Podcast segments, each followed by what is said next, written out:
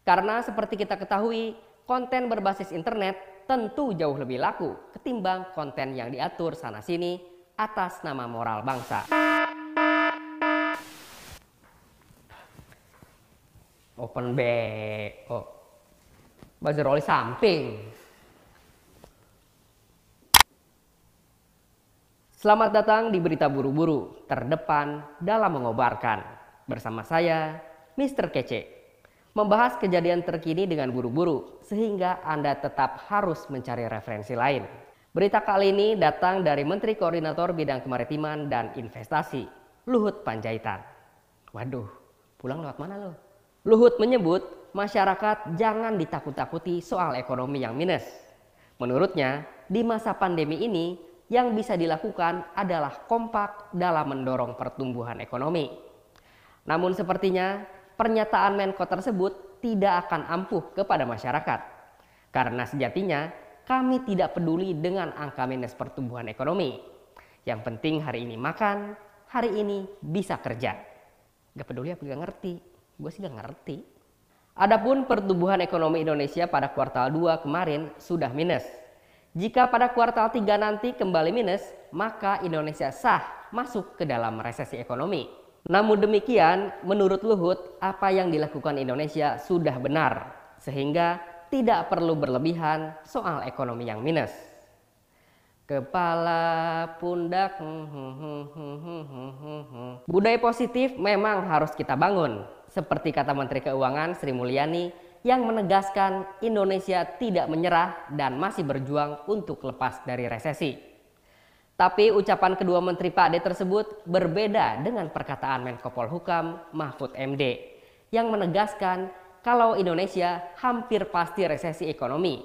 Dapat dipastikan 99,9 persen. Masa Menko Polhukam ngomongin ekonomi? Ya pasti boleh dong. Demi mengamankan priuk masing-masing, ada baiknya omongan dari para menteri tersebut dianggap angin lalu. Wus. Karena biarpun nanti amit-amit resesi, para menteri tersebut masih punya tabungan banyak. Tidak ada cicilan motor beat, token listrik, tidak tit tit tit, apalagi isi bensin eceran yang abang-abangnya ngisiin sambil megang rokok. Kita beralih ke berita kedua. Stasiun televisi yang pernah oke, okay, RCTI, bersama iNews TV mengajukan uji materi atas Undang-Undang Penyiaran. Kedua stasiun televisi milik Haritanu yang juga Ketua Umum Perindo ini menganggap bahwa konten berbasis internet harus ikut tunduk terhadap peraturan penyiaran, seperti konten stasiun televisi. Jika gugatan ini nanti dimenangkan, konten berbasis internet wajib tunduk pada aturan penyiaran, seperti menyensor dadanya Sandy di kartun SpongeBob. Adapun pihak RCTI telah mengklarifikasi kabar ini di podcast Om Deddy Corbuzier 5, 4, 3, 2, 1, close the door. Namun setelah menontonnya kami tetap tidak mengerti maksud mereka. Apalagi menemukan adanya tujuan mulia dari langkah mereka tersebut. Komika yang juga rapper, sutradara, aktor, dan juga pecinta kucing, Panji Pragiwaksono bahkan membuat sebuah cuitan mengenai konten klarifikasi tersebut. Yang pada intinya, jika ada dua orang TV klarifikasi di YouTube, hal tersebut menunjukkan posisi TV terhadap internet dalam hal menggapai masyarakat. Sehingga kami menafsirkan sebetulnya orang-orang TV tersebut hanya ingin viral di internet atau ingin lepas dari aturan yang selama ini mengekang mereka. Karena seperti kita ketahui, konten berbasis internet tentu jauh lebih laku ketimbang konten yang diatur sana-sini atas nama moral bangsa.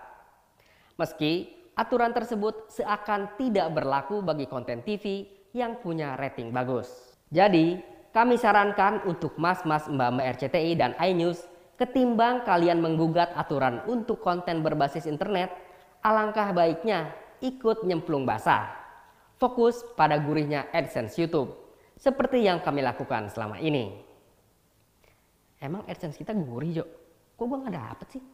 Demikian berita buru-buru edisi hari ini, membahas kejadian terkini yang mempengaruhi keberlangsungan konten Mr. Kece atau konten kreator lain di masa depan.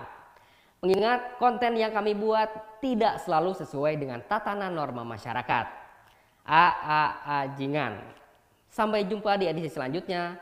Masih bersama saya, Mr. Kece.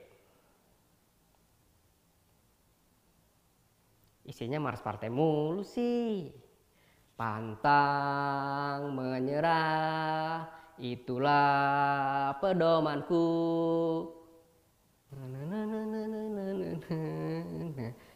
Gue lupa.